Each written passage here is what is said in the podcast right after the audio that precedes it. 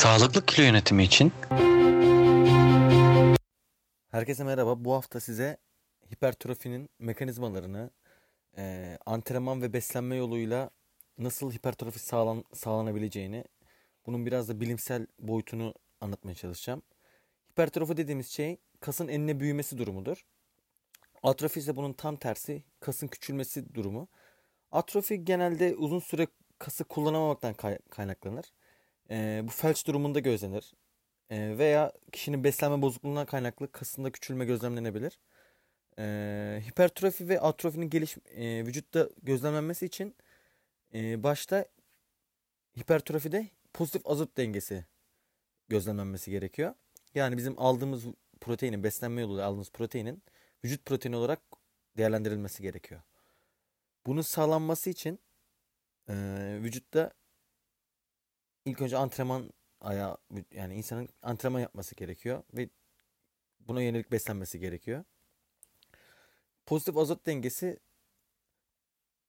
ve negatif azot dengesi olarak ikiye ayırırsak negatif azot dengesi de e, vücutta kassal küçülmeye ve atrofiye yol açar. Hipertrofi dediğimiz şey nasıl sağlanır? Antrenman ve beslenme yolu var demiştik. İlk önce antrenman yapmanız gerekiyor. Yani istediğiniz kadar iyi beslenmeye, yüksek proteinli beslenmeye gidin. Bunu sağlayamazsanız antrenmanda e, kastettiğimiz şey düzenli ve giderek artan antrenman şiddetini sağlamanız gerekiyor. Yani buna progresif overload dediğimiz şey oluyor. E, sürekli her yaptığınız antrenmandan antrenmana veya e, bunu bir periyodizasyon şeklinde bunu periyotlamanız gerekiyor. Yani e, haftalar içinde veya aylar içinde bir şiddete artan bir şiddete maruz bırakmanız gerekiyor. Hipertrofiye uğramasını istediğiniz kasın. E, bunu kuvvet antrenmanlarıyla sağlayabilirsiniz. E, metabolik stres ve failure dediğimiz yöntemler de önemli olabiliyor. Yani e, UKAS'ın tükenişe götürmek, UKAS'ı kasta belirli stres mekanizmalarına yol açmak, metabolik strese uğratmak kası, e, o oradaki hasara yol açmak. Bunlar kasın hipertrofi olması için bir şey yaratıyor. Neden yaratıyor? Bunu e, beslenme yoluyla da bizim uygun bir ortamı sağlayıp bunu desteklememiz gerekiyor. Beslenme işin malzemesinin e, geldiği kısım.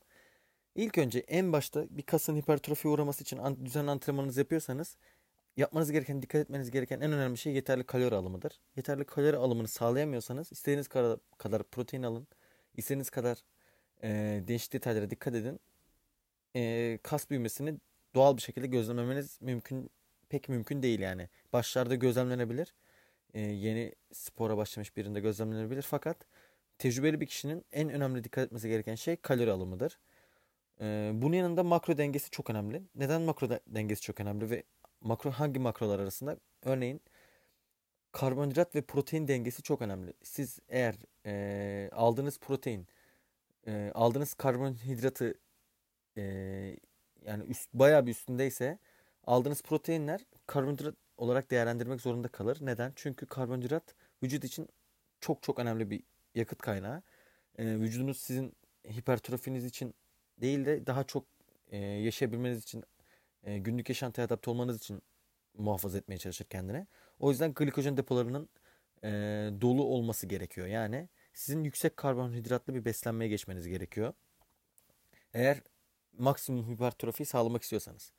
Yani bu da proteinin protein olarak, vücut proteini olarak değerlendirilmesi için en önemli unsurlardan biri. Kalori alımı ve yüksek karbonhidratlı bir diyet. Bunun yanında e, dikkat edebileceğiniz başka bir unsursa proteinin kalitesi. Ne demek protein kalitesi? Protein kalitesi biyolojik yararlanımı yüksek olan, e, bizim için önemli amino asitleri de içeren ve dengeli bir amino asit profilini sağlayan hayvansal kaynaklar. En temelinde yumurta, e, kırmızı ve beyaz et gibi hayvansal kaynaklar. E, bunun da branch chain amino asit yani e, dallı zincirli amino asitler yani esansiyel amino asit grubu. Bu amino asitler bizim için vücut proteini olarak değerlendirilmesi için e, proteinin önemli şeyler. E, fakat bunu normal dengeli beslenmede çok rahat alıyorsunuz. Hani alınıyor. E, ama fakat daha yüzde birlik e, yüzde ikilik dilimdeki faydaları da kazanmak istiyorsanız hayvansal ve hayvansal kaynaklara daha çok yönelmeniz ve BCA alımınızı arttırmanız işe yarayabilir. Şimdi bir de beslenme zamanlaması işin içine giriyor artık. Yani bu önemli bir faktöre dönüşebiliyor. Çünkü beslenme zamanlamasında bizim mTOR yolağını kullandığımız durumlar oluyor. Ne demek mTOR yolağı? mTOR yolağı dediğimiz şey e, kasın büyümesi için veya protein sentezinin e, hücrede gerçekleşebilmesi için e, bir yolak. Yani vücuttaki protein sentezini tetikleyen bir olay bizim için öyle diyebilirim. E, bunu e, antrenmandan sonra buradaki faydalı sağlayabilmemiz için bizim antrenmandan sonraki karbonhidrat alımımızı yapmamız gerekiyor. Bunu yaparsak artı bir daha yerden daha vurmuş olacağız yani. Daha bir fayda kazanmış olacağız farklı bir alanda. E, protein sentezi için önemli bir mekanizma. Bir de e, insülin manipülasyonu da önemli bir faktör. İnsülin manipülasyonu bizim kan glikojenimizi yani kan glikozumuzu kas glikojeni olarak değerlendirebilmemiz için e, karbonhidrat alım zamanlamamızı düzgün ayarlamamız gerekiyor. Yani bizim bütün almamız gereken karbonhidratı bir öğünde almak yerine antrenmandan sonraki öğüne bir miktarını saklayıp antrenmandan önceki 2 saat antrenman yapmadan önceki önce 2 saat e, bir miktar karbonhidrat alıp ondan önceki bir öğünde belki biraz daha karbonhidrat alıp e, böyle gün içine yayarak bizim aldığımız karbonhidratı kas glikojen olarak değerlendirebilmeyi insülinin e, gerekli tepkisi sayesinde yani belirli bir miktar artması sayesinde sağlayabiliriz. Yani insülin çok yükseltip çok dengesiz bir şekilde insülinin e, zıplayıp düşüp zıplayıp düşüp bunu sağlarsak veya bir anda almamız gereken bütün glikozu alırsak bu yağ dok olarak değerlendirebilme ihtimalini arttırmış oluruz. Biz kas glikojen olarak değerlendirilmesi için e, beslenme zamanlamamızı daha dengeli bir hale getirmemiz gerekiyor. E, yapılan araştırmada bir araştırmada proteinin alım zamanlamasının hiçbir fark oluşturmadığı yönünde yani bizim bütün almamız gereken proteini bir öğünde de alsak, üç öğünde de alsak, altı öğünde de alsak e, kas gelişimi olarak bir fark gözlenmemiş yani. Tabi bu ne kadar uzun süre yapılmış bir araştırma, ne kadar yani kaliteli bir araştırma. Bunun bir soru işareti. Fakat bizim için e, bu ne ifade ediyor? Yani proteinlerin sindirimi çok uzun sürdüğü için bizim e, amino asit havuzumuza sürekli bir amino asit akışı sağlanıyor. Yavaş yavaş sindirildiği için protein. Yani bizim e, sürekli 2 saatte bir protein almamıza gerektiren bir durum yok yani. O yüzden e, protein zamanlaması çok da kafaya takılması gereken bir şey değil. Fakat izole protein yani çok saf bir şekilde e, çok hızlı sindirilen bir protein türevi kullanılıyorsa ve veya amino asit takviyeleri kullanılıyorsa bunların yüksek miktarda yük, bir anda yüklenmesi e, protein yerine bizim için e, karbonhidrat ve belki de çok düşük bir ihtimalle de yağ olarak değerlendirilebilme ihtimali var. Yani ama biz proteini her zaman protein olarak değerlendirmek isteriz. Aldığımız proteini. Çünkü e, ne güzel bir karbonhidrat kaynağı kadar bize kaliteli bir enerji verir. Ne de onun verdiği faydaları direkt sağlar. Çünkü e, proteinin amino asitin iskeletinden ayrılırken e, bu sindirim ve emilim sürecinde bize e, kötü etkileri var. O yüzden biz proteinin protein olarak değerlendirmesini daha çok tercih ederiz. Peki bunları sağlamak için, bu anlattığım şeyleri sağlamak için nelere dikkat etmemiz gerekiyor? Aslında önemli olan 3 gerekli unsur.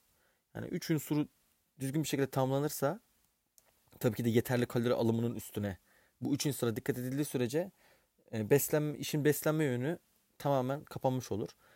Yaklaşık kilogram başına dengeli bir diyet yapıyorsak eğer yani yüksek karbonhidratlı e, bir diyette yani dengeli bir zamanlaması da ayarlanmış bir diyette kilogram başına 1,5 gram proteini alırsak ve bu gelen proteinin yaklaşık %80'i hayvansal gıdalardan gelirse bizim protein açısından çok fazla endişelenmemiz gereken bir konu kalmayacak. BCA'dır işte esansiyel amino asittir vesaire bu konularda düşmemiz gereken ekstra bir durum kalmayacak.